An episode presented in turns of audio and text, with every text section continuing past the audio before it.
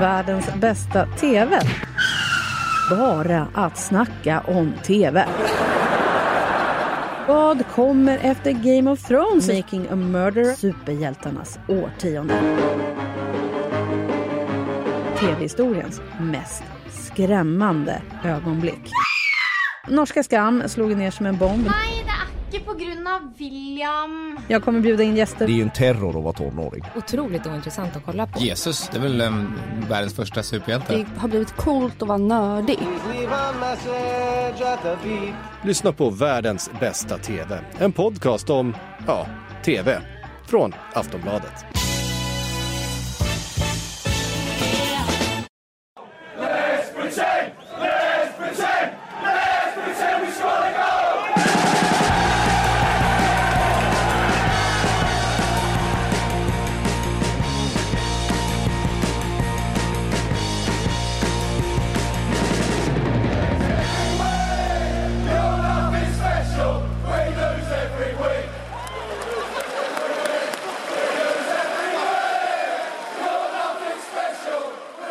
Sportbladets Premier League-podd extra insatt. Det är fredag förmiddag. Erik Niva har eh, ran, landat rent fysiskt i Sverige men mentalt vet jag inte ifall eh, du har tagit dig ner på jorden igen.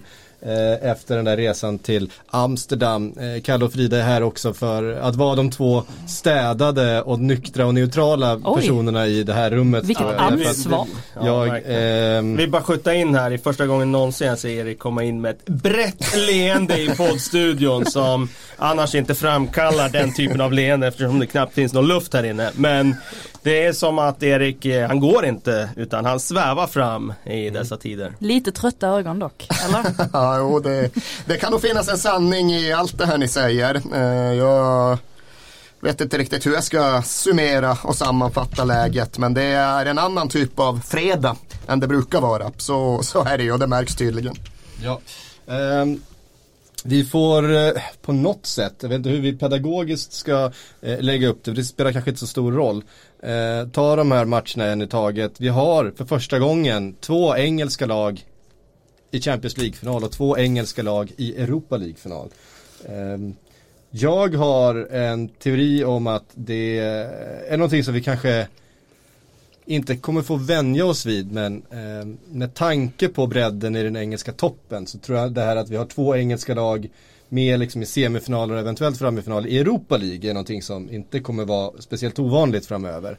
Ehm, vi har ju sett att de engelska lagen, vi har väl haft engelska lag i final i Europa League de senaste tre, fyra åren här i stort sett varje år.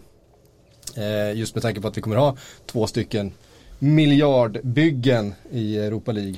Eh, Men ska du inte, ska du inte Men- gotta dig i att du faktiskt eh, förutsåg detta för flera år sedan? Att du sa att de engelska klubbarna kommer så småningom dominera. Eh, ja men det kan jag väl göra. Ja, det var, var två år sedan. Som, som, det, och det var ju inte någon, någon eh, unik spaning heller. Eh, Så sa jag att om två år så kommer vi ha de engelska klubbarna tillbaka i Europatoppen. Inte med någon annan eh, grund för det påståendet än att det är de klubbarna med mest pengar. Och då hade de vid det tillfället Pep Guardiola, eh, Pochettino, Jürgen Klopp och vid den tiden då Mourinho. Och Conte. Eh, Och Conte som då var i Chelsea, vilket då var kanske fem av de sex, sju starkaste eh, tränarna i, i hela världen. Så att med så att säga, lagbyggarna på plats och mest pengar av alla så är det egentligen bara att följa den, den logiska utvecklingen som fotbollen har haft, nämligen att den som har mest pengar vinner. Eh, för så har det ju väldigt mycket varit. Eh, Så är det såklart och så, Så- så kommer det förbli. det ju. Och eh, det här är ju fullständigt hemskt. Jag vet inte, det blir väl lite fel att börja på en jättedowner. men ska man reflektera över det här så är ju det min enda slutsats. Jag tycker det är katastrofalt och jag tror också att det kommer bli värre. Och jag tror absolut att engelsk fotboll kommer driva den europeiska toppen under överskådlig tid framöver. Men eh, hela min fotbollssyn går ju någonstans ut på att jag vill ha oförutsägbarhet och jag vill ha jämnhet och jag vill ha drömmar som lever. Jag vill inte ha cementerade toppskikt, vare sig i enskilda ligor eller internationell fotboll. Och det är verkligen också någonting man måste ta in i just de här oerhört omtumlande veckorna av europeiskt kuppspel. Att allting tyder ju nu på, allting diskuteras ju runt eh, en framtid där Champions League får en annan struktur, ett annat utseende, en annan typ av cementerat deltagar, eh, deltagarstartfält. Det kommer bli de största, de rikaste som spelar precis vartenda år. Och det innebär att jag såklart också inser varför precis varenda jävel i grunden håller på Ajax. För att det är någonting annat. Det är någonting som faktiskt går i en annan riktning. Det visar på att i alla fall än så länge så fanns det fortfarande en väg för någon annan än den med mest pengar och nå väldigt långt. Framöver så verkar det verkligen som att det inte kommer bli så. Och för att på något sätt knyta ihop det på ett sätt som inte bara är deppigt så känner jag ju uppriktigt sagt att ja, ska nu Tottenham någon gång få spela en Champions League-final, ja, jag gör det hellre 2019 då det i alla fall finns en koppling kvar till den fotbollen jag växte upp med än jag gör det 2026 i det här nya slutna formatet där Spurs förmodligen kommer få vara med i kraft av huvudstadsklubb från Premier League-nationen men där det finns en jätte jättestor risk att i alla fall jag inte kommer känna igen mig längre och inte alls kommer känna mig bekväm med hur det har blivit. Men 2019 har vi i alla fall fått några av de mest dramatiska och överraskande resultaten i, Euro i Europaspel som vi någonsin har sett. Eh, visst, vi har en eh, 2004 där Porto och Monaco möttes i en, en fullständigt osannolik final. Men bortsett från just den säsongen så måste det här upplagan av Champions League anses vara den mest spektakulära just sett till oväntade resultat och framförallt så här hisnande matchutvecklingar. Eh, jag satt och försökte göra en lista och den här, alltså Manchester Uniteds helt osannolika vändning mot PSG, mm. den har man nästan glömt bort ja. vid det här laget. Vilket är en match som borde gå till historien som en av de mest dramatiska i, i Champions League-sammanhang någonsin. Men den har ju toppats Ja men först utav eh, Manchester City Spurs som var någonting från inte den här planeten. Sen Liverpools vändning och sen den här matchen, eh, alltså Ajax Spurs nu, det är alltså, det är den helt... gode Mourinho fick ju den frågan efter eh, Barsas eh, kollaps här mot Liverpool. Är det här det sjukaste har sett, eh, José? Och då svarade han att, eh, ah, för tillfället kanske, men det finns ju, det är ju så i fotboll att det kommer ständigt ett möte som känns än mer surrealistiskt än det andra och det är ju mm. det som är så fantastiskt med fotbollen. Så drog han något eget exempel från sin egen karriär. Den här matchen var på samma nivå men den har vi redan glömt bort för det var ett par år sedan. Så att, att det ständigt kommer nya typer av matcher. Han, hade, han hade ju rätt eftersom att redan dagen efter så fick vi se ännu en liksom mm. sjuk vändning. Eh, men eh, kan ni inte berätta hur mycket ni fnös? När jag sa att jag kände det på mig. att du kände det på dig att Liverpool skulle vända? Jag, jag fnös ganska högljutt. Det, det var någon som hade klippt ut och lagt upp det i sociala medier också. Jag, jag fick nästan, jag skämdes nästan lite för hur föraktfull jag lät. Men du kanske anti-jinxade? Ja, men jag kommer aldrig tvivla på det igen för att du, du eh, förutsåg Ajax två gånger och sen förutsåg du Liverpools vändning så att det, eh, det är, ditt, eh, det är ditt tippningsår Frida. Det, ja. Å andra sidan tippade du Everton före Liverpool förra säsongen i ligan ligan så att det, Men man måste sticka ut liksom. Ibland då händer det. Nej men det är väl, jag tror inte att det egentligen går att diskutera ens huruvida det här är den mest spektakulära Champions League-säsongen eller inte. Det är det absolut. Sen kan det finnas enskilda matcher som blir ännu mer osannolika men allting förstärks ju av att det är Champions League. Det är väl därför som, jag gör, som gör att jag fortfarande håller Liverpool-Milan 2005 som den mest spektakulära matchen i fotbollshistorien. Och det är klart att jag gör det medveten om att det finns lag som har vänt tre målsunderlägen tidigare. Det finns lag som har vänt fyra målsunderlägen. Det finns lag som har hämtat upp fem målsunderlägen men det är på en mycket lägre nivå. Här blir ju allting liksom in, the impact, eh, avtrycket, ekot, eh, minnena mångdubblade just eftersom att det är matcher som hela världen tittar på. Och nu har vi haft ja, fem i alla fall, ett halvdussin sådana matcher som alla hade blivit legendariska även om det hade varit någon typ av ligalunkssituation Men nu har det varit slutspelsmatcher i Champions League och det gör att jag tror verkligen att vi alltid kommer se tillbaka på den här säsongen som eh, någonting ja, någonting oöverträffbart nästintill och det säger jag medveten om att fotbollen just tenderar att överraska en. I alla fall har det varit så hittills. Sen får vi se om Uefa lyckas ta bort den faktorn. ja, de, de gör ju sitt bästa de för att döda på. den, men de det är svårt. det var svårare än vad de hade förutsett. Football will find a way, ja, som man brukar säga. det är nästan så att jag, vet, jag har sett att det börjar dyka, dyka upp konspirationsteorier om att allting är fejk, att det här är liksom som amerikansk wrestling, att det är uppgjort, att det kan inte vara så dramatiskt som det är. Det, Var kommer de teorierna ifrån? Var folk som inte förstår någonting om fotboll. Ja, okay. om, de, om de tittar på Ajax-spelarna efter den eh, efter den matchen och, och, såg uttrycken i deras ansikten och eh, så, så eh, ser man ganska snabbt att det här var inget som var uppgjort på förhand. Eh, eller för den, för den delen uttrycken i, i Tottenham-spelarnas ansikten eller eh, i Liverpool-spelarnas ansikten efter den eh, matchen. Det här är eh, däremot ett, ett bevis för hur mycket mentalitet och hur mycket psykologi det är i fotboll. Mm. Eh, det, det, det, går liksom inte att underskatta. När... Det är ju det jag ägnar senaste dygnet åt. Det är ju liksom sitta på internet och sociala medier och kolla på videoklipp från allt mellan omklädningsrummet till sidlinjen till mm. alla de vardagsrum och pubbar och barer som folk har följt eh, framförallt då Ajax Tottenham ifrån. Och även om jag såklart har väldigt lätt att tycka det är kul med alla klipp som visar hur Tottenham-fans firar i 95 minuten så är jag ju alltjämt ändå sån att fan, det känns ju i hjärtat när man tittar på Ajax-klippen. Det är ju många, de har tydligen en jävla tradition i Holland där man då räknar ner till slutsignalen när en stor triumf ska bärgas. Och det innebär ju att det finns ju massvis av klipp, både från samlingar med tusen, tiotusentals människor och från den ensamma supporten i vardagsrummet. De sitter och räknar ner 10, 9, 8 och så vidare. Och så kommer de till slutsignalen och så märker man bara, nej, och så precis. Ja, det är det är hårt är det. Ja, det är så jävla Snacka om att jinxa, sitta och räkna ner sådär. Ja, det kan man det kanske göra när man leder med fyra, men när det är ett mål som skiljer så är det väl inte världens bästa idé. Och där känner jag verkligen extra, extra starkt för Ajax för att det är den där grejen att även om de var stora på 90-talet kommer det någonsin hända igen. Det är ju svårt att se det med tanke mm. på i vilken riktning fotbollen rör sig.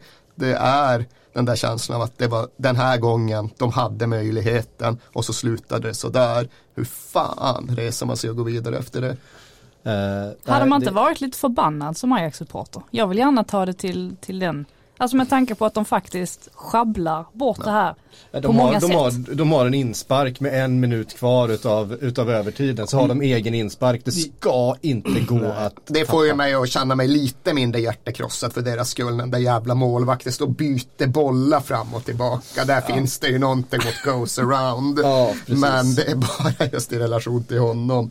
Men som du är inne på Frida, det är klart att jag kan tänka mig att José Mourinho i sin studio efter den matchen kunde känna sig ganska pösig och belåten med sin syn på vad som är naiv och icke naiv fotboll. Mm. För hur begåvade och ideologiskt drillade detta Ajax-lag än må vara så är det ju en hemsk sista 40 minuters period de gör. När de leder med 2-0 efter 55 så har de alltså en fast, en frispark. De skickar upp båda mittbackarna. Mm. Sen slår de bort den, vi kan ställa om, göra 2-1 målet som öppnar upp. Hur kan man skicka upp båda mittbackarna i det läget? Det är arrogant. Ja, ja, det är väl kanske det. det, mm. det även om man inte riktigt vill lägga det på ett eh, lag med en massa egna spolingar så ska det ju sannerligen sägas att holländsk fotboll, ja, holländskt samhällsliv har ett stråk av arrogans i sig. Mm. Ajax eh, Definitivt. Ja, definitivt. De bygger ju klubbar på att vara arroganta på gott och ont. Och visst, så överlägsna som de hade varit, så överlägsna som de säkert kände sig, då är det nog rätt ord att använda. Det var nog fan arrogans snarare än ungdomligt övermod. Louise van Gaal ska ju ha suttit i en tv-studio under den här matchen och han är ju ingen cynism eh, liksom förespråkare. Det är ingen snarare icke-arrogant man. Nej, nej snar, knappast. Men han är ju snarare en possession-fantast än en eh, liksom cyniker rent fotbollsideologiskt. Och eh, han hade ju varit skogstokig i studion över hur eh, de hade hanterat eh, andra halvlek och det säger väl en hel del. Att eh, Mourinho tycker att det är naivt, det, det kan vi nog utgå ifrån. Men att eh, Fanchal också hade eh, liksom varit i uppror över det här. Nu har ju han lite känslor för Ajax också såklart.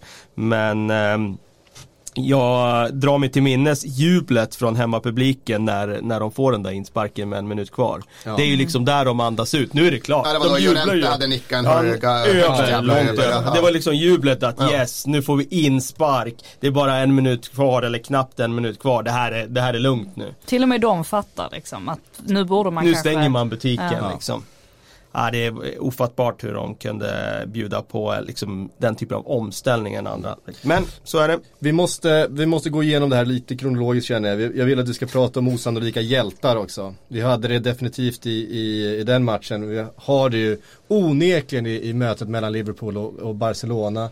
Eh, Mohamed Salah, hjärnskakning från helgen. Eh, Firmino skadad eh, sen en vecka tidigare. Eh, Keita som uh, kommit in och varit startspelare senaste tiden missar resten av säsongen. Det var ju ett decimerat Liverpool i uh, den brantaste längsta uppförsbacken man kan tänka sig.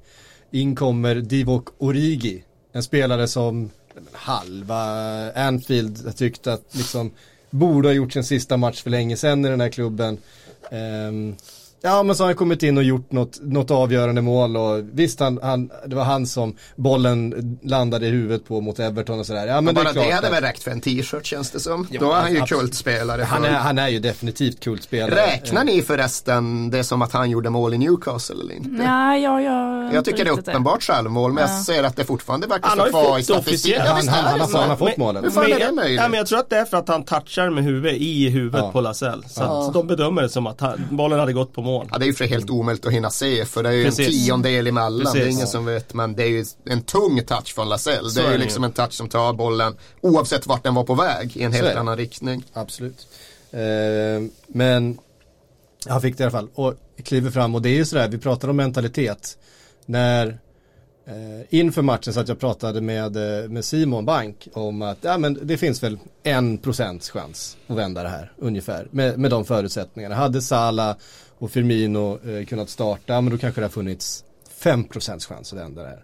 Ah, 15-20 snackar vi om. 15-20 sa vi Du sa ju, du sa ju 15. Du sa ju 15. Och jag sa 20. Jag inte hade givit dem några 20% att vända. Det ska ju vara Med ordinarie lag. Nej, det hade jag inte. Jag tycker Barcelona har varit så extremt ja, de är skakiga. Sårbara. Ja, de är sårbara och skakiga. Men när Origi springer in med den bollen efter sju minuter. Då är det ju helt plötsligt 30%. Så, så snabbt. Då känner man ju att fan, hela, hela den där arenan och Anfield och du skrev ju om det, alltså att Anfield på de här Europakvällarna är ju ett speciellt ställe. Fan vad ni kommer kunna bygga myt nu. Alltså, ja, jag har redan jävlar. byggt myt i ett halvsekel. ja. Kommer vi never hear the end of it Absolut när det kommer till the inte. famous European Nights. Och det är väl med all rätt såklart. Det, det ligger ju verkligen någonting Jag vet inte om ni såg, eh, Arsene Wenger sa det ju i en intervju mm. före matchen. Mm att eh, ja, men det finns en faktor som gör att ja, men Liverpool har inte alltid lyckats i ligan men de lyckas i Europa. Varför? Ja men det är Anfield. För att det är en arena som ingen vill spela på, komma som borta, borta lag. Eh, det är hostile som fan och det får hemmalaget att hela tiden växa. Det, det är något speciellt. Eh, ja, och det på, blev ju det, det här, ja. den här gången också. Anfields högsta nivå är hög och Anfields högsta nivå kommer fram på den här kvällen. Anfields ja. lägsta nivå är inte hostile som fan Nej, det är det verkligen det inte. Absolut Men inte. är det inte ett key moment som inträffar ganska tidigt i den här matchen som ändå sätter lite prägel på resten? Det är ju när Andy, när Andy Robertson klappar till Messi på huvudet. Ja, ja. Efter det, alltså vi såg inte mycket av Messi. Nej. Om nu tanken var att han skulle påverka Messi, alltså rent, men ta få honom lite ur balans. Fast han har ju några lägen i första halvlek ja. fortfarande Messi. De, han... Ett skott som Alisson tippar till hörna, det tror jag efter den där klappen på huvudet. Ett mm. skott som stryker stolpen. Nu tänker jag Messi mot mätt liksom. eh, Men sen i andra så är han ju inte med i matchen, men det är ju mest för att Liverpool gör matchbilden till det som Barcelona nästan aldrig hamnar i. Att de inte har bollen själva, att de kväver dem totalt. Och när han kommer bort, då, alltså, då har du ju tagit bort 75% av Barcelonas lagstyrka mm. den här säsongen. Och det är ju liksom det är så extremt lätt att säga att man ska försöka göra så. Det är ju ingen som klarar av att få det till den matchbilden i La Liga och inte i så många i Europa heller. Men Liverpool lyckades ju verkligen med det. Och eh, det är bara att lyfta på hatten att eh, eh man trots så många avbräck lyckas liksom föra ändå och driva en match mot Barcelona. Även om de har blivit mer defensiva under Valverde så är det inte så lätt att göra det i praktiken. Det är väl framförallt det där läget när han har straffspark men inte vill skjuta med högern och ska promenera runt Matip för att skjuta med vänstern. Jag har fortfarande inte riktigt fattat om det blev avvinkat för offside alltså, eller det inte. Var offside. Det var offside. Det var avvinkat Nej, alltså. det, han har vinkat domaren, så om det hade blivit mål så, Så hade det det blivit offside. Ah, I okej. första läge på Alba. Just jag det. kollar på reprisen, för jag märkte det inte heller i realtid. Men sen visar ju Shakir fördel sen när spelet vänder och då förstår man ju att okej, domaren har eh, vinkat. Ja men det är ju så VAR ska användas, spela Precis. Mm. och spela klart spela. situationen Ja. och sen ser vi. Så det är väl okej. Men det, det, var, det, det ramade ju faktiskt in lite av Barcelonas alltså, mentalitet och oskärpa i den delen av det. är liksom det, det är Champions League semifinal. Det är klart du, du, du smackar in den bollen som, nu snackar jag om Alba. Han är ju fri. Han spelar snett inåt bakåt, han är ju fri med målvakten. Han, han har ju två alternativ som är bättre än att spela Messi. Antingen gör du mål själv, eller så spelar du det den spelaren, om det är Suarez, som är, har helt öppet mål. Han spelar snett inåt bakåt, vilket var helt barockt. Det Eh, illustrerar ju någonstans baksidan av ett Messi-beroende. Verkligen, verkligen. Så är det ju. Men sen är det ju som, ja, jag har ju aldrig någonsin kunnat köpa in mig på den där grejen att ja men ifall man tar Messi hårt så då, då eh, får man en fördel. Jag har alltid trott att, ja men vad fan Messi, det är klart, han är argentinare, han är bäst i världen, han kommer nog kunna bara liksom bli uppretad och uppskruvad och springa in tre bollar extra, så det kanske är det dummaste man kan göra. Men det har ju faktiskt varit nu två matcher på kort tid då det i alla fall har blivit den typen av effekt som du är inne på Frida. Sen vet jag inte hur långt man ska dra analysen. Men ja, Robertson här, det ska väl in på något sätt. Den är Fabinho också var, var ganska hård mot, Ja. eh, mot Messi. Men sen den här parallellmatchen när Smalling springer över honom på Old Trafford och han liksom får blod i både näsa och öga och allt vad det var. Då tänkte jag också att jäklar nu har Messi fått blodvittring, nu kommer han döda mig nu. Han rörde ju knappt bollen under återstoden av den matchen och det var 60 minuter. Och jag tror ju inte det är för att han inte tål tufft spel. Men det finns ju ändå någonting kvar i att när det går riktigt dåligt för hans lag, när det är motvind, alldeles oavsett om det är Barcelona eller Argentina, då finns det någon tendens i Leo Messi att ibland krypa tillbaks in i det där stumma pojkskalet som han befann sig i när han först kom till Katalonien som tonåring. Eh, då blir han liksom den här inåtvända eh, svåråtkomliga killen snarare än någon sorts ledarfigur som han annars har vuxit in i så oväntat bra. Och där finns det ju en skillnad. Det är inte så att jag tycker det är en utslagsgivande skillnad i någon form av greatest of all time diskussion. Men så funkar inte Cristiano Ronaldo. När det går dåligt så då liksom spänner han ju ut sin jättebringa ännu mer och ska ha ännu fler bollar. Och Messi han kan ju verkligen, han kan liksom försvinna, fejda ut ur matcher som går emot hans lag. Och eh, ja, det är någonting man får ta in när man ser på hela paketet. Jag tyckte han började faktiskt väldigt bra när man, alltså i spelet, kanske inte framför mål, men i spelet tyckte jag han var mer delaktig under första halvlek på Anfield än vad han faktiskt var på, på Camp Nou. För där, där var det ju målen som stack ut, men där tyckte jag han Nej, han hade ett problem i första han, halvlek. han slog då, bort en hel del han bollar och, och, och var inte alls lika. Däremot Ja. så, så hade ju Barcelona, det var ju en rätt jämn match, eh, ska man, även om det blev t- Ja. eh, 3-0 till Barcelona så. Men det som blev den stora skillnaden eh, kändes ju var ju faktiskt fysiken. Ja. Att, att när de kom upp, för att jag menar eh, Busquets, eh, Rakitic och, eh, Vidal på mitten. och, och Vidal, det är ju ändå tre ganska tuffa spelare, framförallt Vidal är ju, är, är ju hård. Men, men det var liksom som att med intensiteten, Fabinho är ju, är ju en, en tuff spelare och sen med Henderson och Milner som ju he- heller inte lägger fingrarna, de har liksom bestämt sig för att vi skulle vinna den, den fysiska kampen där. Och när de gjorde det, eh, det tog en liten stund, Vidal var väldigt bra i första, men sen var det som att de till slut eh, vann den fysiska kampen eh, på mitten. Och då vann de också, alla de där eh, viktiga andra bollarna och, och alla närkamperna centralt. Och då, då fanns det ingen länk riktigt lä- längre i, i Barcelonas spel. Men Barcelona har ju aldrig varit ett fysiskt lag och det var de ju inte när de var som bäst heller och jag menar ju att de var som bäst under Pep 2009 till 2011. Men då spelade det ingen roll hur jävla fysiskt du försökte spela mot dem för som Alex Ferguson uttryckte saken, när Xavi och Iniesta får tag på bollen, ja då är det bara upp på karusellen och sen släpper de aldrig den ifrån sig. För då var de ju så bra i sitt eget grundspel att ja, du kunde inte spela fysiskt, du kom inte i närheten av dem. Rakitic och Coutinho är ju inga Xavi och Iniesta. Nej, är de ju- inte. och sen är ju också laget ännu mer ålderstiget nu än det någonsin har varit tidigare. Eh, Det är ju i mångt och mycket, eller i alla fall inne i kärnan, samma spelargrupp som Guardiola hade. Och Piqué, Busquets, Messi för den delen också. De har inte blivit yngre och Rakitic är inte ung och Vidal är inte ung. Och, ja, mer än Suarez är sannerligen inte yngre än He was so much older than he's younger than that now. Nej, inte för honom. Så det är ju ett, eh, ett ålderstiget lag och det märks ju. Eh, James Milner må vara äldre än Luis Suarez på pappret men han är ju det på något sätt inte i praktiken. Uh, han springer fortfarande en kilometer längre än alla andra på planen normalt sett uh, när han spelar fotboll. Men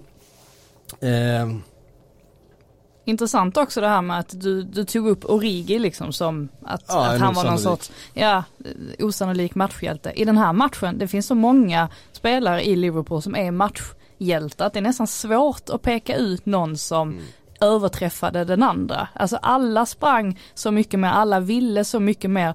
Alltså Henderson, jag vet att vi, vi har snackat en del skit om Henderson under säsongen men det har vi gjort baserat på att vi har trott att han räcker inte riktigt till ändå i de här större matcherna. Van Dijk är kanske en mer passande lagkapten i slutändan. Han har inte alltid fått spela så mycket men i den här matchen här ser man ju varför han har den här lagkaptensbinden och att det finns ju en anledning till att det är han som petar fram bollen där också mm. till första målet. Alltså det, det märktes ju i hela honom att det här, det här, det här skulle han liksom bara greja för Liverpools del och då kan man ju samtidigt, kommer Wijnaldum på och han blir också någon sorts matchhjälte. Vi har Trent med hans fantastiska hörna. Alltså det finns så mycket så mycket att ta av. Det är ju det som gör att den här segern blir så otroligt Och jag mäktig. menar, Matip som vi kanske har sett som den svagaste länken i den där mm. Eh, fyrbackslinjen. Han var ju faktiskt, han överglänste ju van Dijk i den här matchen tycker jag. För att eh, de, de, de, eh, de riktar ju in sina anfall på honom. De tar ju hellre en en mot en med Matip än med van Dijk.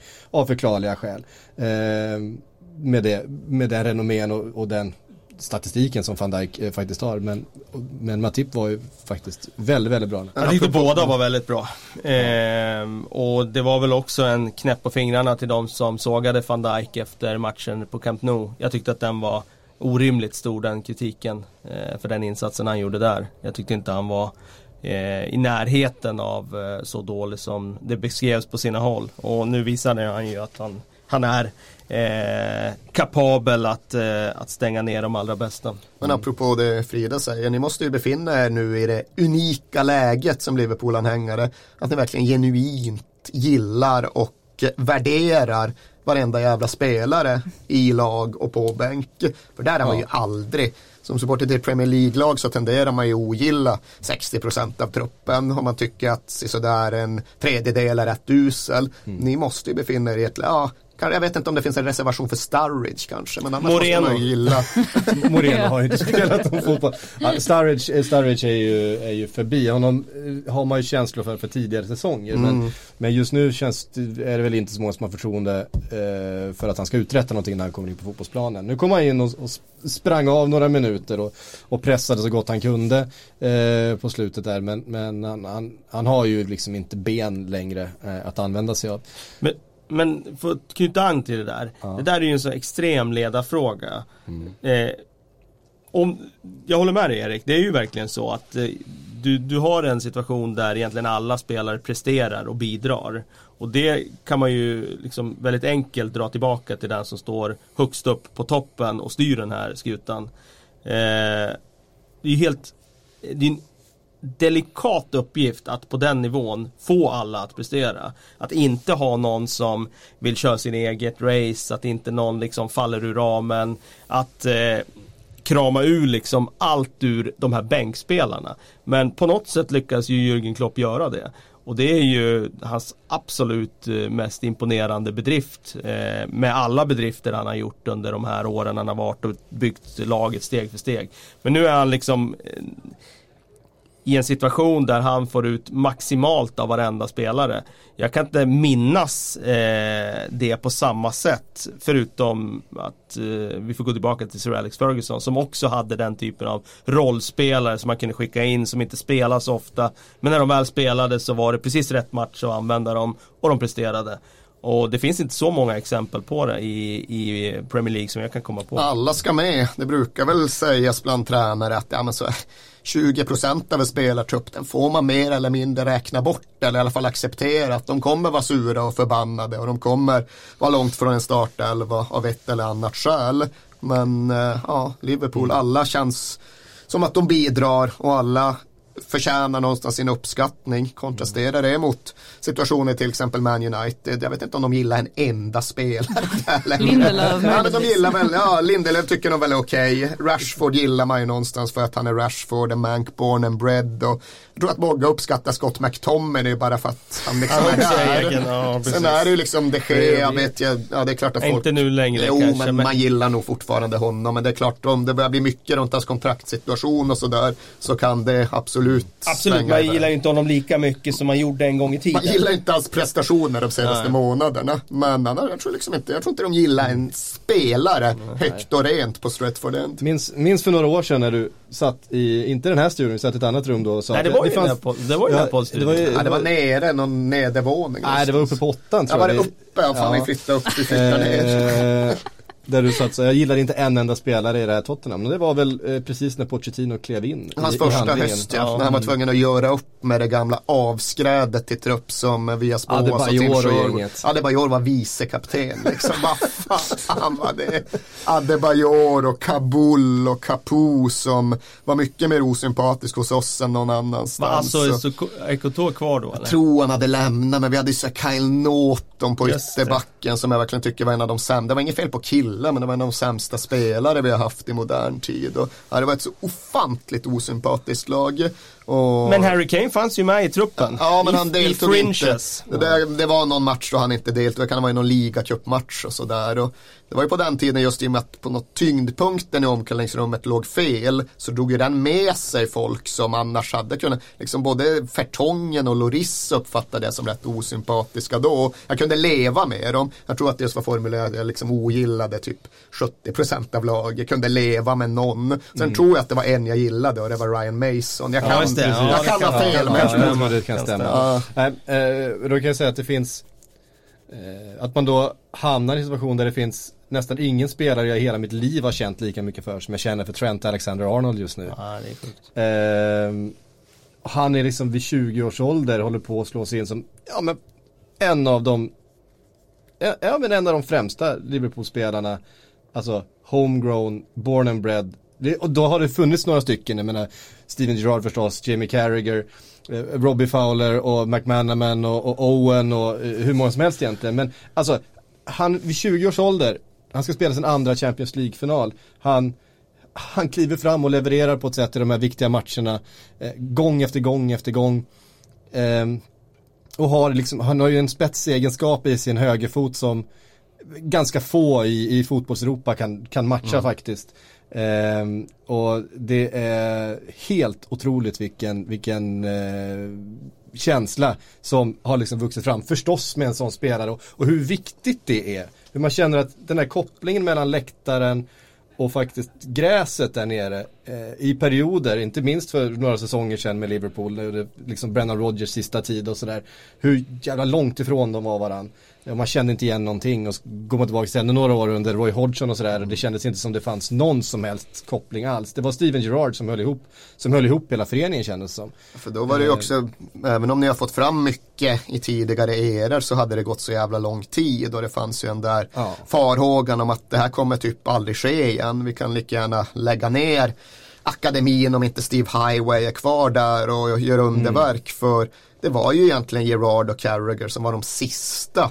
Kanske att slå sig in. Sen hade ni haft Flanagan. Ja men John Flanagan absolut. och Jay många... Spearing ja, och David Thompson var inne och studsade. Ja. Men det satte ju sig aldrig. Så, så, det här är ju någonstans den första ni har fått fram på 20 år. Som verkligen är där och ja. gör skillnad. Som faktiskt är, och, och i, i, det här läget faktiskt är världsklass. Mm.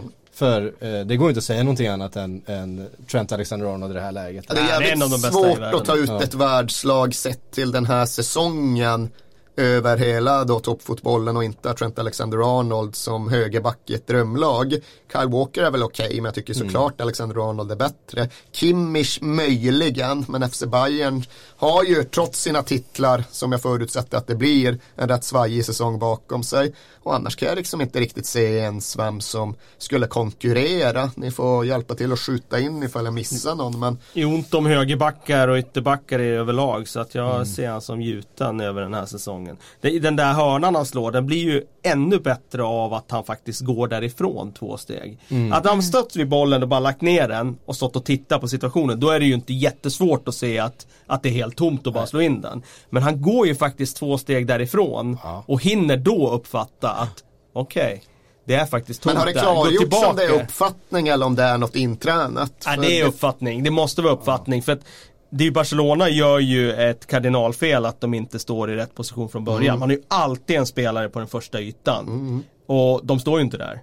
Så att det är omöjligt att träna in det för alla lag har ju en har ju en spelare där. Så fort det blir hörna så det är ju den första positionen du har. Det finns inget lag som inte ställer en spelare på den första, rakt utanför första stolpen. Eh, även om du inte spelar zon så har du alltid en zonspelare där. Så att eh, det, det är definitivt Men de har alltså, jobbat en del, jag kommer, vet att det har funnits sådana fasta nu under våren i Premier League där det just varit den här missuppfattningsfinten. Man liksom mm. låtsas vara inaktiv och sen bara kör man och hoppas kunna överrumpla motståndaren. Eh, så det, det, har ju nyttjats. Sen var väl min bild också att det där var stundens ingivelse. Nu kommer jag inte ihåg vart jag såg det men jag vill minnas att det var någon som ändå antydde på någon presskonferens eller något att det kanske hade kunnat funnits något i bakhuvudet. Men nej vad fan, hand it to Trent, absolut. Mm. Och bollpojken som var snabb i uppfattningen där och bara rulla ut den i ja, exakt Micke rätt ögonblick. Lustig-kvoten. Ja, vi grävde väl fram någon mitt eller någon ja, bollpojke. Holland hemma. Ja det var det det var ja. Det var det det var.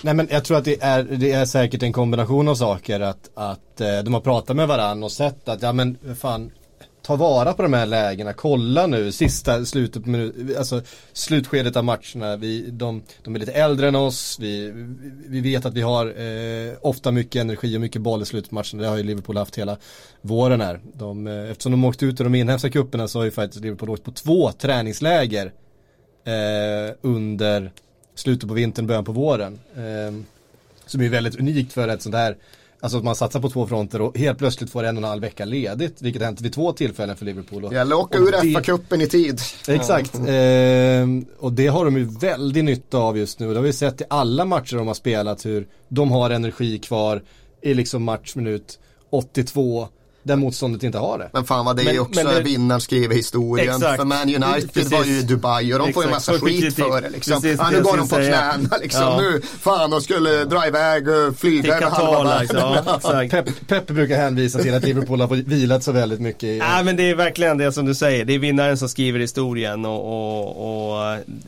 jag skulle säga att eh, det har mer att göra med Klopps förmåga att få ut eh, maximalt och 100% av sina spelare och verkligen vrida upp de där reglagen till en nivå som andra inte klarar av än att de har varit på träningsläge. För som sagt, Man United var iväg och de, de har bara fått skit för det. Men det är ju absolut ändå en någonting som har satt sig, någonting som har inneburit en förändring. För ett tag så vågade ju ingen åka på varmvädersträning för antingen drog Bellamy till Riese med en golfklubba eller så blev det en jätteskandal runt Leicester City. Så det där låg ju ett tag nere i stort sett helt. Men nu är det ju mer nästan regel än undantag att en Premier League-klubb, ja men hitta ett sex dagars fönster där de drar till solen. Spurs har ju varit i Barcelona flera år i rad när vi åkte ur FA-cupen för att Pochettino tycker det är soft att åka hem till sitt hus där typ. Det är därför vi åker dit snarare än någon annanstans. Ja. Har väl varit i, nej men jag tror att det det är så roligt det där apropå vinna skriver historien. Fatta om det hade varit Alan Pardew som hade lagt ett läger bara för att han har ett hus där. Han har fått så mycket kritik för det liksom. Nu är det Pochettino, då är det lite kul ändå. Ja, alltså, nog ska han få sitta på sin terrass och dra en, en, en. Asado liksom, argentinsk grill. Det är klart han ska. Det hade inte hindrat Pardew. Ska vi säga. Nej, det hade ju blivit kanske i Västerås då eftersom hans fru är från ja, Västerås. Ja, Fan, han var in the running för något jobb för inte så länge sedan. Vilket jobb var det ja. ändå nämndes? Han var ju med, det här är ju så här 20 år sedan för eh, hans fru har några gemensamma vänner med min föräldrar, mina föräldrar. Ja, du vet vem frugan är? Nej jag vet inte okay. det, jag har inte träffat men mina föräldrar vet ju vem det är. Eh, och då var ju han med, det här är ju 20 år sedan och spelade någon fotbollsmatch. Då så här plojmatch, alltså spontan fotbollsmatch. Och då skulle jag vara med, men jag var i USA och spelade fotboll då, den sommaren med något skollag och sådär. Så min barndomsvän, mina föräldrar frågade min barndomsvän som bodde granne med oss. Så han var med och spelade den matchen. Han är ju noll intresserad av fotboll och sådär, men han var med och lirade den matchen. Med Alan Pardew då. Mm. Sommaren 98-99 där någon gång. Coolt. Mm. Um, Eh, Nej, vi, eh, vi lämnar Liverpool-Barcelona där. Eh, Jag vet inte vad det är så mycket mer. Vi får väl bara säga ordet eh, Wijnaldum också som också gör två mål i en Champions League-semifinal. Eh, och blir matchhjälte. Ja, Newcastle åkte ur för några år sedan och nu ska Wijnaldum och Sissoko spela Champions League-final mot varandra. Det mm. finns något i det. Det finns en jävla massa, en jävla massa konstaterat. I grund och botten är det bara SA-15 som ska spela finalen. Ja, det är liksom det är tränade därifrån, mer än liksom ett halvt lag därifrån. Det är ja. verkligen så att man kan. Man är som, som jag. Mm. Han är liksom, väl bäst av alla. Ja, han är väl bäst av alla. Ja. Alltså, så bra som han var första halvlek mot, mot Barcelona där, hur de inte kunde hantera honom. Ja men Mané och van Dijk, det är väl finalens två bästa spelare på förhand och de är så 15 spelare båda två. Ja. Pochettino är liksom den största anledningen till att Tottenham är där och ja, Southampton ska bli mm. tränare. Ja. Bra scoutat av Southampton på den tiden, då gjorde de allting rätt. Mm. Det, fan, det var en intressant grej som jag aldrig riktigt hade reflekterat över, men det var någon som gjorde en sammanställning av Liverpool-spelarna mot Barcelona och vilken som var deras föregående klubb. För det visade någonstans ändå på att ja, men det Liverpool har lyckats med det är inte att köpa etablerade världsspelare för även om Liverpool såklart har pengar så har de inte haft lika mycket pengar som någon av Manchesterklubbarna mm. eller ens Chelsea eller Arsenal på vägen upp. Nu har de någonstans vuxit ifrån. Men titta på den alvan och vart de är köpta ifrån så är det ju från mellanklubbar i stort sett allihop. Visst, hälften är från Southampton och det är ändå en ganska svårvärvad klubb så tillvida att det är Premier League-klubbar. Men annars Firmino som inte var med, för han kom från Hoffenheim. Det är väl Roma som är det svåraste, det är den största klubben att köpa ifrån och där är det två mm. viktiga kuggar. Men vad säger Robertson från Hall, Matip, kom han från Schalke direkt? Från Schalke, ja, kom han på free transfer. Ja. Och mittfältet, ja Milner visserligen från Man City men det var ju också från fri transfer. Fabinho mm. från Monaco och Henderson från Sunderland. Ja. Mm. Och sen då Och Wijnaldum från Newcastle. Ja, när de åkte ur. Sha Shakiri från Stoke. När de åkte ur. Och så alla ja. tillhörde Roma. Roma ja, ja. så det är väl i så fall den mest svårvärvade. Ja. Origi från Lilva. Ja. Eh, så det är liksom. Keita från Leipzig. Exakt, det är någonstans ändå någon förtröstan i ett understrykande av att ja, den typen av värvningar kan rätt många klubbar landa ifall de är lite smarta och lite förutseende och lite kompetenta och sen utveckla det. Normally being a little extra can be a bit much, but when it comes to healthcare it pays to be extra. And United Healthcare makes it easy with Health Protector Guard fixed indemnity insurance plans. Underwritten by Golden Rule Insurance Company, they supplement your primary plan, helping you manage out of pocket costs without the usual requirements and restrictions like deductibles and enrollment periods. So when it comes to covering your medical bills, you can feel good about being a little extra. Visit uh1.com to find the Health Protector Guard plan for you. Jag ska tipsa om att det finns en, en, en hacker i Ecuador som står Julian Assange väldigt nära, vilket Ola Bini faktiskt gör. Den gruppen i EU-parlamentet blir så stor att den kan blockera vissa beslut. Och då krävs det ungefär 160 mandat och det ligger inom räckhåll för de partierna. Men det slutar ju med att Klubban faller inklusive produktion på 4 miljarder kronor och det här blir då världens mest dyrbara målning genom tiderna. Han hade betalat några personer genom en internettjänst att hålla upp en skylt där det stod eh, död åt alla judar. Förra gången det var en så här riktig klimatvåg runt 2006, det var ju då Miljöpartiet började växa. Men då hade man ett lite annat läge. Aftonbladet Daily ger dig både en bredare och djupare bild av de mest aktuella nyhetshändelserna. Dessutom plockar vi upp de historierna som kanske inte får de största rubrikerna men som på andra sätt hjälper till att forma vår samtid. Ett nytt ämne varje dag, måndag till fredag med Marcus Ulfsand och Jenny Ågren. Prenumerera på Aftonbladet Daily i din poddspelare eller följ oss i din smarta högtalare. Vidare till nästa osannolika matchhjälte då. Vi fick två stycken ändå i, i Origi och Wijnaldum. Eh, du skrev ju en tweet för, för eh, lite drygt ett år sedan att nej, du ville verkligen inte ha Lucas Moura ja. till Spurs. Men det, var, det, det, kan du väl bjuda på idag? Ja, ja herrejösses, det är liksom inget eh, spektakulärt med den. Alltså, grejen är att jag vet inte ens om jag vill kalla det en felbedömning. Det är ju såklart en felbedömning så tillvida att jag vill visst ha Lucas Moura för han är ju hattrick i en Champions League-semi och han kommer för evigt vara mytologiserad. Men fram till den andra halvleken så skulle jag fortfarande beskrivit det som en värvning någonstans mellan 2 och 3 plus. Någonstans som en värvning som vi hade kunnat göra bättre för ungefär samma pengar. För han har visserligen gjort en hel del poäng den här säsongen och han har gjort tunga mål. Han har gjort mål på Old Trafford, han har gjort mål på Camp Nou, han har gjort mål på Anfield. Och det blir väl ett understrykande av varför jag ändå köper att det blir en felbedömning. För han har en spets eh, som inte så värst många andra har. Men han har varit under en och en halv säsong i Tottenham svajig, nästan på gränsen till dålig i det öppna spelet. Det har varit oerhört mycket ner med huvudet, dribbla tills jag är en återvändsgränd och bli av med bollen. Och det har ju passat rätt illa ihop med liksom Pochettinos ändå metodiska modell för anfallsspel. Så jag tycker som sagt att fram till pausen i Amsterdam så har Lukas Mora varit någonstans mellan 2 och 3 plus som värvning. Vägen nog över till 3 plus även inför den vändningen på grund av sina stora mål. Men det är ju inte så att han har varit 5 plus från första dagen och för alltid kommer vara det. Utan det kan, jag tror nog att han kommer lyfta, det blir bättre och bättre och bättre och han kommer nog bli riktigt bra. Men det finns fortfarande något inslag av origi också, att det blir förstärkt just för att det är en så osannolik matchhjälte.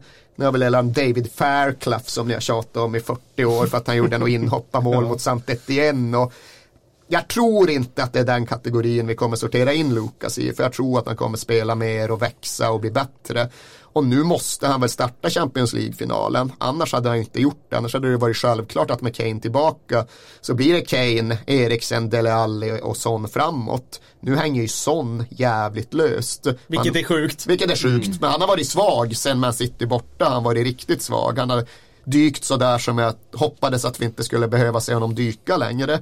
Och ja, just nu är det svårt att se någon annan situation än den. Hans eh, patenterade överstegsfint höger gå vänster har ju funkat. Men skotten skjuter han ju över hela tiden ja, istället och utanför. Han hade till skillnad från förut. En bra i Amsterdam, den där sent i matchen han kommer runt och drar den, försöker hitta nättaket och så går den just över. Ja, precis. Men annars körde han fast mycket i Amsterdam och Bournemouth-matchen ska vi inte snacka om när han håller på att faktiskt fucka upp hela säsongen för oss. Ja jävlar tur han har där ja, alltså. Fy fan vad tur han har. Där har vi också... Inte roligt med Everton hemma sista omgången. Var, alltså, Måste vinna. Jag var förstörd efter Bournemouth. För jag såg ju det som att nu missar vi topp fyra i the biggest choke of all Spurs times. och sen förlorar vi såklart semi mot Ajax. På tal om att bygga mytologi ja, och så vidare. Men allt det där spricker ju nu. Ge, nu, nu, ni har liksom vänt omkull på, på allt det där. Det finns nu en final liksom... att förlora i 94 också. Men nej men det där köper ju någonstans. att jag tror väl att nu är det Patrik Syk som sitter med demografiska kurvor för poddar men jag inbillar mig att de flesta som lyssnar på det här, vad är de, 20 år eller är det någon form av medianålder? Uh, det är ganska, det är väl upp till 40. Ja, men medianåldern? Medianåldern skulle jag säga ligger på 27. Okej, okay, ja, så pass. Ja men är man 20, är man som Frida kanske? Oh, nu får jag, nu får jag känna mig ung igen. Ja. Är inte du 27? Men då, Nej, jag är inte 27. 25. 26 är hon. 26 ja. Fram till november. Men där är det just det, att skruvar man tillbaks klockan bara 12-13 år i tiden ifall man är 20 och minns tillbaks när man själv var 7. Ja, under hela den perioden har ju Spurs varit helt okej okay på gränsen till riktigt bra. Så är man uppvuxen med det Tottenham då fattar jag någonstans att det kan låta som att vad fan är det för övermytologiserande av förlorarstämpeln. För så farligt har det inte varit på ett årtionde. Men från min generation, vi som liksom verkligen kanske brydde oss som allra mest under 1990-talet. Då tror jag aldrig att det där kommer gå ur. För det var så oerhört deppigt och dåligt och så många hjärtskärande slutminutsförluster att det kommer nog alltid sitta i. Och jag kan verkligen känna igen mig i de som har hållit på Man City länge och på något sätt, trots Sergio Aguero i 93, trots Pep Guardiola och alla titlar, i grunden alltid utgår från att det kommer gå åt helvete och det kommer göra det snart och det kommer göra det på ett spektakulärt och dramatiskt och brutalt sätt. Det sitter så djupt i dem och jag tror att i min generation av Tottenham-anhängare ja då krävs det nog att vi faktiskt vinner en final också, kanske på ett oväntat Självmål. sätt. Jag, jag pratade faktiskt med, häromveckan med en Manchester City-supporter, en kille som har, har rest eh, till, eh, till Manchester i, i 30 år liksom. Eh, och säsongskortsinnehavare, eh, en, en svensk kille. Han sa precis det, vi pratade lite grann om, ja men hur mycket kan man glädjas och det är liksom, det är oljepengar, det var mycket så han kom in på det, så ja men, fan, jag tycker inte det är så svårt liksom. Det här är ju bara några år. Vi får väl passa på och glädjas nu när vi har ett bra lag. Det, här, det är ju, om några år så är vi dåliga igen liksom. Det var, han var helt, det var, det var, det var självklart liksom. Ja, för mig var det, efter Bournemouth var det så, för då såg jag just att ja, men nu missar vi Champions League, vi åker ur Champions League säger men snart är, vi, ja, men snart är vi West Ham, snart är vi tillbaka och slutar 11 varje år. För det gjorde jag, det var ju för 90-talet var ju värre. 90-talet höll vi på att åka ur flera gånger om. Vi slutade på mm. 16 plats och höll på. Men sen hade vi ju 7-8, vi slutade 11 varje år. Och någonstans är det ju där jag fortfarande ser att utgångsläget ligger. Ja, vi slutar 11. Vi förlorar alla derby med tre bollar. Och sen har vi några löftesrika cup äventyr Men det slutar ju med ett självmål i 95 varje gång. Och jag vet jag, jag har svårt att säga att det någonsin kommer släppa för det är ju såklart inte rationellt och intellektuellt förankrat men det sitter så jävla djupt emotionellt. Men det är ett sunt tänk också för att det mesta går ju trots allt i cykler. Jag tänker på Milans supportrar idag som har ett, ja nu har det väl gått lite bättre ändå eh, mot slutet av säsongen här men det är ju ändå elände jämfört med hur det var för bara liksom ett årtionde mm. ungefär. Att allting går ju liksom i cykler, några mm. år så är du på toppen. Sen faller du tillbaka lite grann. Alltså det är ju generations... Sen tror jag också att mycket av det där, det är man är så jävla formbar vad gäller allt mellan inte fan vet jag, 14 och 24 eller någonting. Det årtiondet så har det i alla fall varit för mig att då satte sig vilken musik jag gillar, vilken ideologi jag trodde på, väldigt mycket av den person jag är. Och det som händer under den åren och de åren det formar någonstans karaktär, det formar ens uppfattning för hela livet. Och för mig var Milan bäst under den tiden. Så jag säger Milans naturliga plats, det är högt, högt upp. Det är onaturligt att de är där de är nu. Tottenhams plats, ja det är kanske 11 ett bra år, kanske 17 plats ett dåligt. Och det är vår naturliga plats. Mm. Och, ja, det finns nog någonting i att just de åren, de gör så mycket för hur man uppfattar saker och ting för resten av livet. Mm. Eh, kan vi ta oss tillbaks till den där sekunden eh, i Amsterdam? Hur, eh, eh hur, vart stod du? Ja, grejen var att jag befann mig på, eller i anslutning till pressläktaren för Ajax borta i Champions League-semi. Det är en match då jag inte kan lösa biljett på borta sektion. Det är omöjligt för mig att göra och det är någonstans också rätt. För även om jag tycker att jag har paid my dues så jag har kanske varit på tio matcher i år. Det är ett ganska högt eh, antal för att vara mig men jag har haft min säsongsbiljett, jag har åkt på i alla fall ett halvdussin matcher varje år. Så jag har någonstans ideologisk och moralisk rätt att vara där. Men jag har fan inte rätt att köpa mig en plats på borta sektionen och på så sätt ta den från någon annan som har varit på oerhört många fler deppiga bortamatcher. Så den fick jag liksom släppa och då återstod alternativen betala svinmycket för en plats på hemmasektion eller akkreditera in mig på pressläktaren. Och då var det liksom oavsett om jag sitter på hemmasektion eller på pressläktaren så kan jag inte leva ut. Då är det väl bättre att pröjsa noll och inget än att betala 20 000 och sno en plats från en Ajax-supporter. Så jag sitter på en plats som annars hade varit outnyttjad på pressläktaren och där är ju kutymen att man inte lever ut och det har jag respekt för. Förutom nere i Malmö. ja, ja, det finns vissa undantag. Du kan åka ner till Sydeuropa och konstatera kutymen där är en annan. Du kan åka till Sydamerika och göra samma slutsats. Men det är ju liksom när Ajax gör mål, det är inte så att ja, jag sitter och konstaterar faktum. Jag vet att när Jorente missar läget till 2-2, som sen Lukas gör mål på tre sekunder efteråt. Men det målet hinner jag knappt upp och uppfatta, för då är jag nere i betongen och hamrar i betongen. Och då har det ju hänt någonting som inte riktigt borde hända på pressläktaren. Och sen när de gör 3-2 målet i 95, då är ju out of it i 10 sekunder. Då är det ju upp och studsa och jubla och vråla och göra sånt som man inte ska göra på den platsen. Och när jag väl kommer till sans efter, säg 10 sekunder, då fattar jag ju det. Då får jag någonstans skala ner. Då är det inte så att jag ställer mig och hetsar hemmaläktaren direkt. Men de 10 sekunderna, då har jag någon form av blackout. Och det får, väl, det får, det får både jag och mina stackars kollegor acceptera den här gången. Det var, det var en sån kväll, det var ett sånt ögonblick. Ja, då var ju matchen över dessutom så du... I helvete att den var. De hade ju två spelsekvenser till. Och det finns ett läge när de har flyttat fram allt. Lamela snappar upp bollen i kanten av eget straffområde. Ska bara knacka den längs med långlinjen ner i deras eh, hörnflaggsområde så går det 40 sekunder. Och han vänder inåt och börjar dribbla och försöker slå någon jävla tunnel och bli av med bollen. Och det höll på att bli Eriksen på Etihad gånger 14 för han dribblar verkligen bort bollen och ger dem en anfallsvåg till.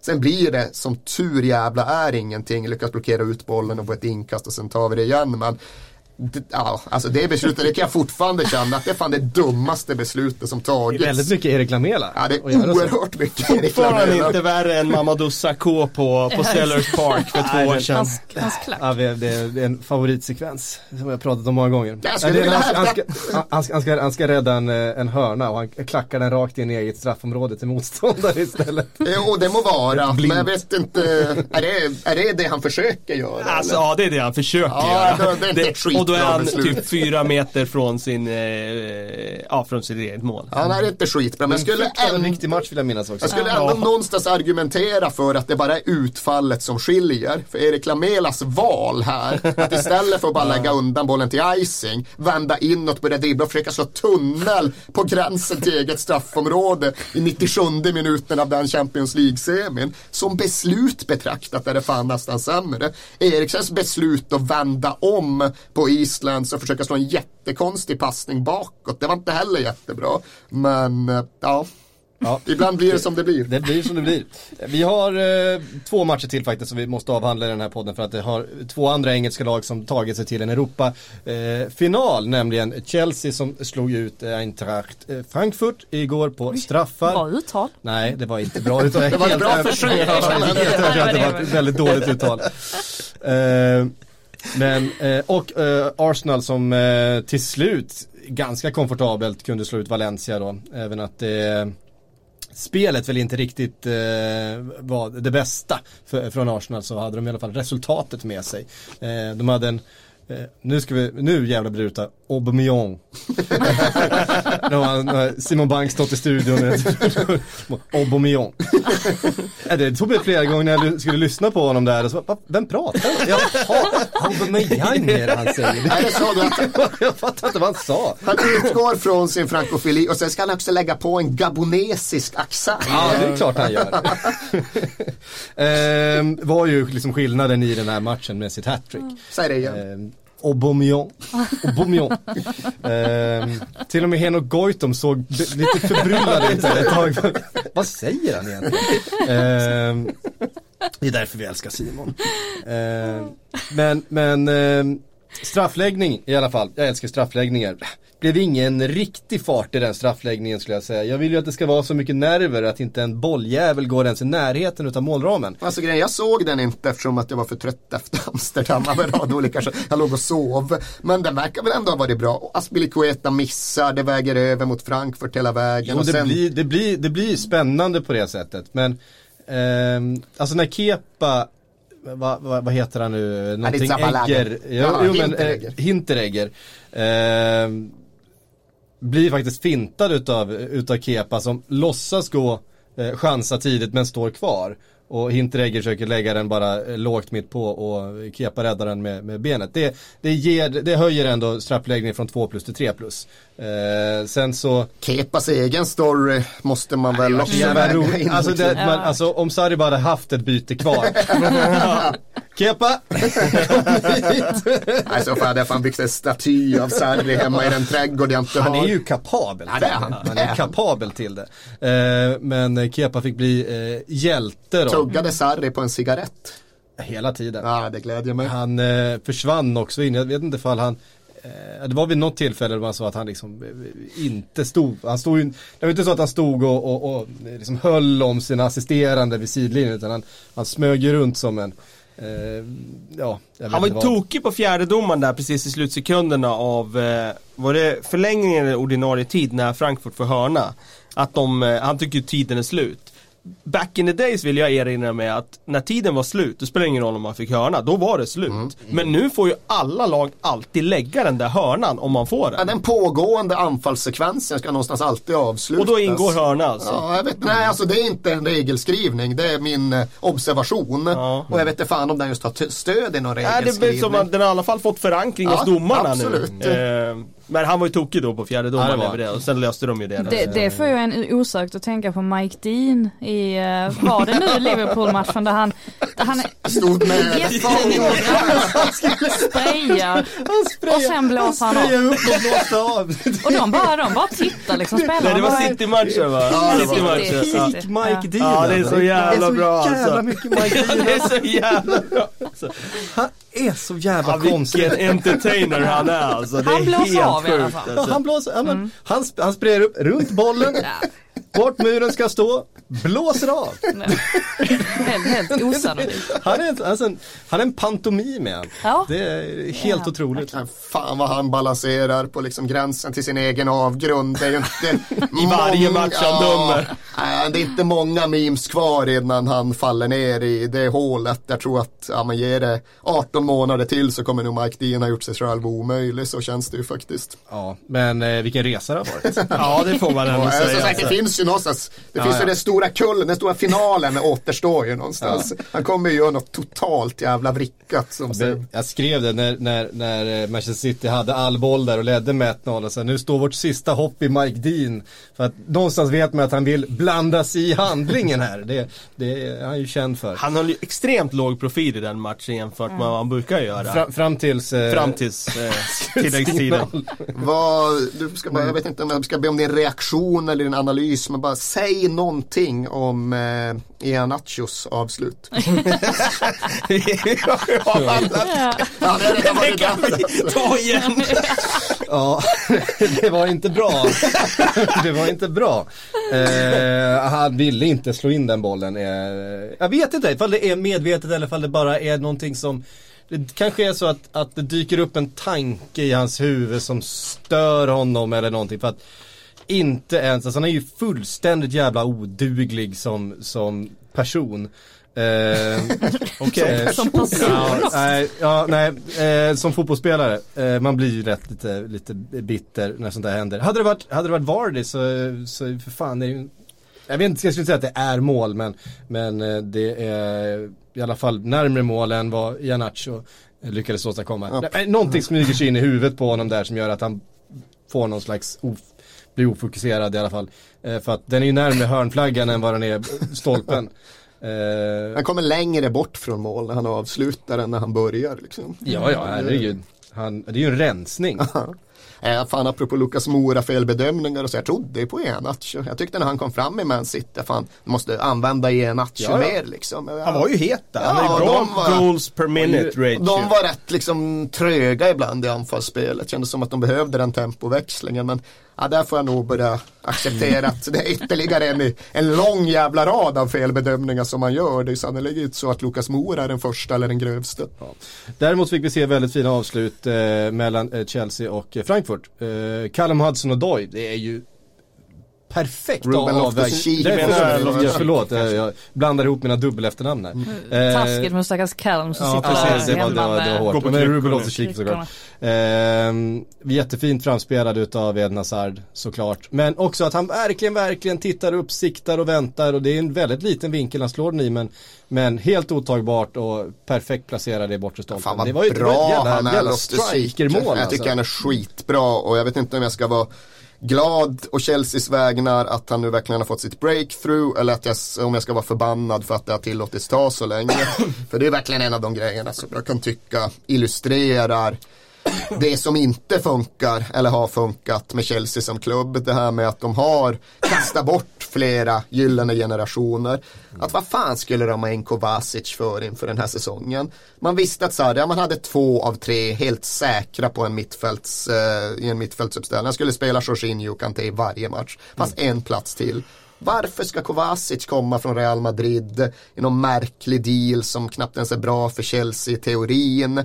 Får chans efter chans och var liksom medioker. Inte svindålig men inte speciellt bra heller. När då alternativet är att spela och nu pratar Ruben Loftus-Cheek mm. snarare än Ross Barkley. Ja. För jag tycker liksom, han är odiskutabelt bättre. Ja. Och därtill yngre och därtill egen och därtill någon som verkligen kan liksom bli en typ av Trent Alexander-Arnold-figur för dem. Inga jämförelser vad gäller spelsättet men det där att ja, äntligen fick vi fram någon efter Gerard och Carragher. De kan känna äntligen får vi in någon efter John Terry och Frank Lampard som i och för sig var West Ham, men den orkar jag inte gå in på här.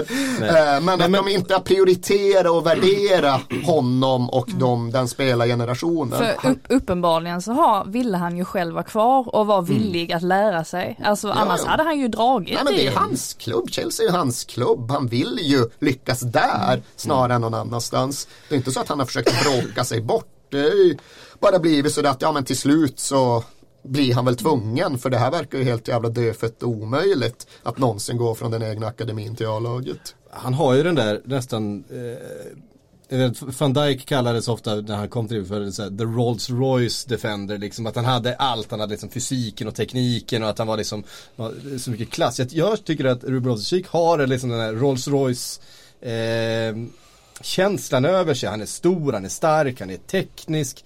Han är liksom, eh, han är skolad. Eh, det är liksom, han har en potential, en potential att verkligen bli en komplett mittfältare.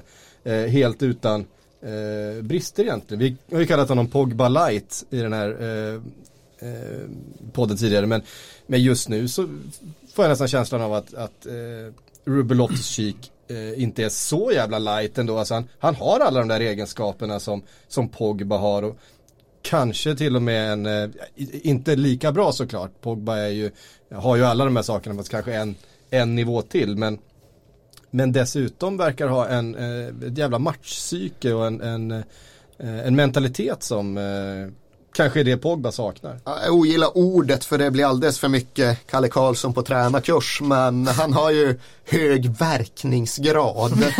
ja, men det, det har jag aldrig använt det. ja, det glädjer mig men det är många andra på den tränarkursen som har gjort det. Nej men det är hög effektivitet på hans spel. Mm. Han omsätter lägen i mål. Det, är liksom, mm. det blir någonting av det Ruben Loftus-Cheek företar sig. Och behöver kanske inte göra Pogba-jämförelsen för den blir skev orättvis mot båda. Men han har ju ibland problem med verkningsgraden just. Mm. Eh, sen är det väl något med Ruben Loftus-Cheek och hans rygg, att han har någon jävla semikronisk åkomma där som riskerar att hämma hans karriär. Och det är väl i så fall det man kan se som, jag vet inte ens om man ska kalla det en svaghet, men en komplicerande faktor. Så, alltså jag är inte mycket till, jag är inte mycket till, till Ischias specialist, men Gerard som på vissa sätt hade en snarlik spelstil och en snarlik kroppsbyggnad. Han hade ju också jävla problem med ryggen i kanske något yngre år. Men mm. det lyckades de ju korrigera och det växte mer eller mindre bort. Mm. Då får vi hoppas att det är så för Loftus-Cheek också. När det såg som allra mörkast ut för Loftus-Cheek i höstas där fick ju Sarri någon fråga i något sammanhang om honom och varför han inte spelas vidare. Han avfärdar ju nästan honom då med att mm. han inte är redo alls taktiskt och så vidare. Det krävs ju ganska mycket eh, psyke för en mm. spelare att resa sig från det. Att tränaren i princip avfärdar dig. Eh, när han redan har fått så många smällar i den här klubben. Mm. Eh, han har ju liksom eh, tippat slå igenom betydligt tidigare än vad han har gjort nu. Mm. Och när det sen kommer en ny tränare, allt är uppåt där på hösten när det går bra. Och sen är han inte alls med i planerna. Eh, och tränaren säger att nej, han är fortfarande eh, liksom eh, för valpig för den mm. fotbollen vi ska spela. Till att nu kliva in och, och göra det. Det är ju det är ju credit till honom. Mm. Han satt på träningscykel med Danny Drinkwater. vad, vad är er bild? Det är ingen liten fråga men ser ni att Sarri är kvar när nästa säsong börjar? Alltså det är mycket i Chelsea som känns väldigt oklart. Särskilt med tanke på att transferförbudet eller registreringsförbudet snarare står väl fast ja. nu. Det kom väl besked. Eh, vilket gör att då sitter man ju i en än mer prekär situation och sen ska det bytas ägare kanske och, och Hazard ska gå. Mm. Hazard ska lämna. Mm. Det Vad ska hända med Stamford är... Bridge? Ja. Som måste på något sätt. Ja, Roman tänker inte bygga om medan han får liksom en annan diplomatisk status tillbaka. Så nej, jag vet inte fan om det strandar där. Men nej, alltså mycket, oerhört mycket osäkert. och alltså här tror jag igår. Och Roman håller nog i klubben ett tag till. Det är väl min bild. Men jag hade ju länge en uppfattning om att det blir nog inget Sarri i mer än ett år. För det hade skurit sig för mycket med för stora delar av Stamford Bridge. Nu är jag väl ändå inne på att de har löst topp fyra, de kanske mm. vinner Europa League och de är just i ett läge där de inte får värva. Hur skulle det kunna funka med att byta tränare, mm. ta in en ny Nej. tränare som inte har någon möjlighet att bygga egen trupp? Nej, vem vill ta det? Nej, exakt. Liksom, ja, då, då, får de ju ringa Lampard liksom. Sam Allardyce. Ja, i så fall bränna honom för ja, kanske. rätt mm. lång tid framöver. Dels för att han inte är redo, dels för att det skulle vara en för dålig utgångsposition. Så ja. Nej, det, får, det får nog bli mm. Sarri en säsong till och det behöver ju verkligen inte vara fel. Jag tror det kan vara rätt bra för dem, men jag vet ju att det är stora delar av Stamford Bridge som helt enkelt inte gillar honom. Men det är klart att det är problematiskt. Ja. Det var ett väldigt fint avslut till i den här matchen. Eh, Jovic, såg ni Rebic eh, ja. reaktion. Ja. Det var helt innan. jävla magiskt. När Alltså djupledsbollen har gått fram till Jovic, då börjar han fira. Ja, det är Armarna rakt ja, ja. upp i luften, han har inte ens, han har inte ens Han, hopp, han gör ett glädjeskutt upp Han gör ett glädjeskutt och då har Jovic liksom två touch kvar innan han ska liksom ta sitt avslut. Han vet att det är det, mål. Det säger lite om Jovic säsong som han men, har haft nu. Och hur säker, alltså hur säker ensam med målvakten. Jag tror kanske det är också det säkraste avslutet jag har sett. Alltså han, han bara tittar på målvakten och lägger den precis rätt hårt, precis bredvid fötterna på målvakten, helt otagbart, i rätt läge, han väntar precis när, alltså det är, det, det, han gör mål där tusen gånger av tusen är känslan man får när man tittar på det avslutet. Det är inte jättekonstigt att Real Madrid eh, var snabba där. Nej. Så att säga. Nej, jag har aldrig sett någon eh, jubla över en lyckad Nej, inte på det sättet. Tidigare. Det var, det var inte så att Leicester-spelarna jublade när Ianacho fick sitt läge om man säger så. Det är inte helt olikt, det är samma ungefär, ja, det är ungefär samma läge. Samma läge och sen så precis när den bollen går fram han har inte ens rört bollen tror jag Jovic i sitt första, ja. för jag tror han tar ett par touch innan, innan avslutet. Det, han ser bara att bollen har rullat fram till honom och så börjar han jubla.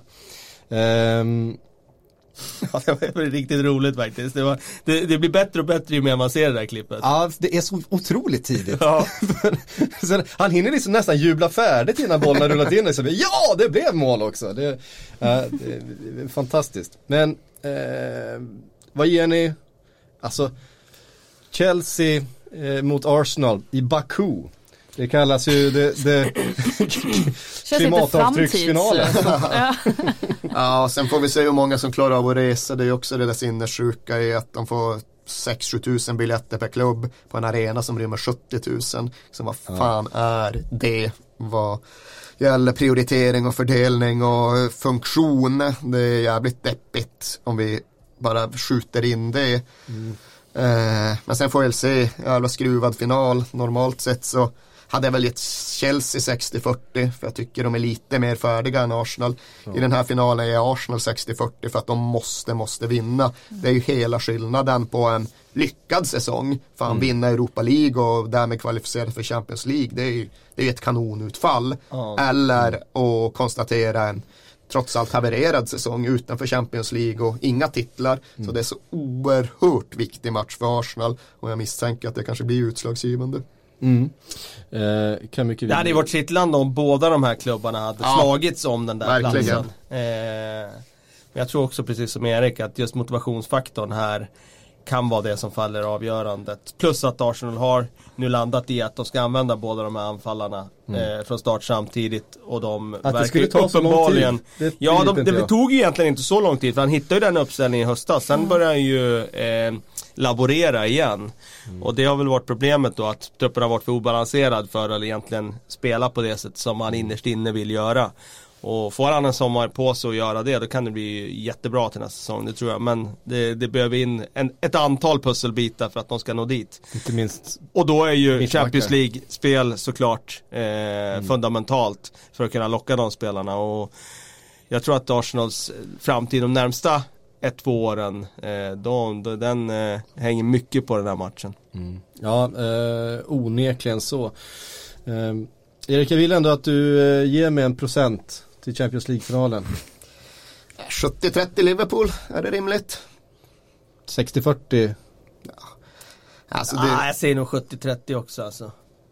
Alltså det, det, är inte, det är inte så att det, har varit, att det har varit spel mot ett mål de två matcherna som vi har mötts under säsongen. Jo, i höstas var det fan det. Nej, höstas, höstas, var, det... var det ganska, det blev ändå bara 2-1 men, eh, men nu senast så var det ju Ja, det var ju ett, ett, ett, ett, schabbel utav, utav Albi ja. Ferrell som gjorde Ja, det är Loris vi äh, Loris, med. Loris är det väl som vi ska hänga men Ja, men det är ju också så som Tottenham har spelat de senaste sex veckorna eller så Så är det det sämsta vi har spelat sen Pochettino redde ut klubben under den där första hösten.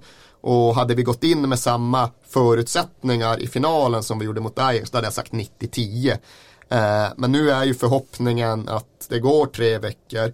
Kane läker ihop, Winks läker ihop och där ska vi verkligen inte undervärdera betydelsen av den sistnämnda.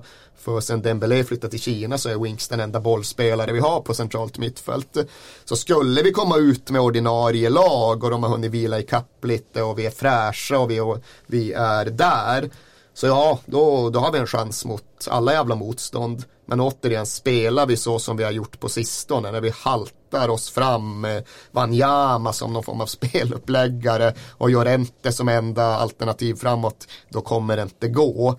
Så vi får väl se hur snabbt, hur snabbt folk läker och hur snabbt folk kan få tillbaka energin men ja, nej, Liverpool är ju ofrånkomligen ganska klara favoriter. Det tror jag inte att man behöver vara liksom domedagsprofet för att konstatera. Nej, alltså det var eh, rent, rent eh, känslomässigt så höll jag inte på någon av eh, Tottenham och Ajax faktiskt i den här matchen. Jag tyckte det var två lag som eh, Visst Ajax med sitt unga lag och liksom resan de gjort sådär men jag har också känt väldigt mycket för Tottenham de senaste åren att det här lagbygget och det utgångsläget som Pochettino har byggt att det har liksom förtjänat en en riktig framgång. Det är att liksom en andra plats i ligan och så vidare men att det har förtjänat eh, någonting mer. Att det, det har, eh, så jag, känslomässigt så var jag inte så Ajax som de flesta verkar ha varit. Eh, jag tror Också för att jag är så fruktansvärt anglofil att jag, att jag har svårt, att, svårt att, att välja bort det. Men däremot så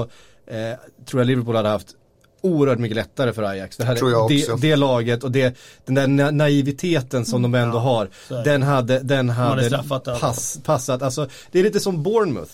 Alltså de spelar samma sak, de, de ställer sin höga backlinje och de ska liksom spela sig ur och de så här. Och det funkar ganska bra mot många lag men de får ju fan alltid stryk med 5-0 mot Liverpool. För att det går inte att spela så mot ett Jürgen Klopp-lag med, med Mané och Salah och, och de, den typen av spelare. Det, det går bara inte. Så som Tottenham har varit också den senaste just dryga månaden, vi har inte gjort ett mål. Inte gjort ett mål. Vi gjorde några mål mot Huddersfield hemma direkt efter Manchester City. Men sen har vi inte gjort ett mål. Liksom. Noll mot Bournemouth och noll mot West Ham och noll mot Ajax hemma. Men trots att det har varit så jävla torftigt offensivt så skapade Tottenham hela tiden chanser mot Ajax. Mm.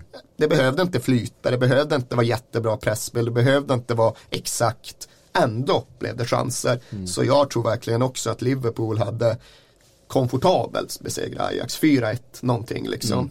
Mm. Eh, och så trygg hade jag inte varit som Liverpool-supporter mot Spurs. Nej, det är nej, verkligen nej, inte. Nej, nej, absolut. Men sen har jag svårt att se att Kloppen skulle tillåta sin, sina försvarare att bete sig som Ja men det City gjorde, alltså vi tar ända bak där, alltså Laporte, eh, med, där kan vi ju snacka arrogans hos honom, alltså han slarvar bort egentligen mm. den matchen. Och sen då Ajax också, jag har väldigt, väldigt svårt att se Liverpool-spelarna stå för samma typ av misstag som vi har sett de här två senaste matcherna. Mm. Och det är väl lite därför jag håller Liverpool som så klar favorit också, just på grund av försvaret. Liksom. Mm. Ja, det är ju väldigt mycket försvaret som har tagit Liverpool så här långt den här säsongen. Det, eh, förra säsongen var det ju väldigt mycket anfallet och det eh, skulle bara ösa sin mål i, i de matcherna som betyder något. Nu är det ju väldigt svårt att slå Liverpool helt enkelt. Det är bara så. Jag får se, det det är viktigt för Tottenham att inte hamna i tidigt underläge för det gör vi alltid mot Liverpool. Det är alltid mm. ett eller två måls underläge efter 24 minuter och sen har det varit flera matcher ja, Anfield nu och Anfield mm. förra våren då sen Spurs har fått tag på spelet och faktiskt dikterat andra halvleken. I fjol blev det 2-2, Wanyama sköt i krysset och Harry Kane att slå en massa straffar. Jävla Wanyama-skottet alltså. Ja, fy fan. fan. Jag jag har mardrömmar om fortfarande. Och i höst, i våras borde det ju också ha blivit ett kryss. Vi hade till och med kunnat vinna den, men det var liksom snarlika andra halvlekar i båda de matcherna. Mm. Och få Tottenham en sån typ av match där vi spelar den fotbollen, ja absolut.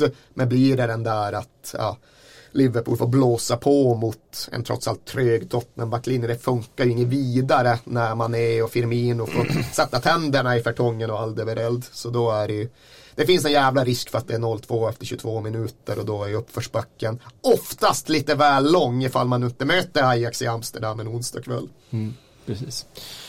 Oh, vet ni vad, på söndag ska eh, ligan avgöras också. Den har vi knappt nämnt här idag. Eh, den tar vi tag i på tisdag när vi eh, rundar av hela säsongen.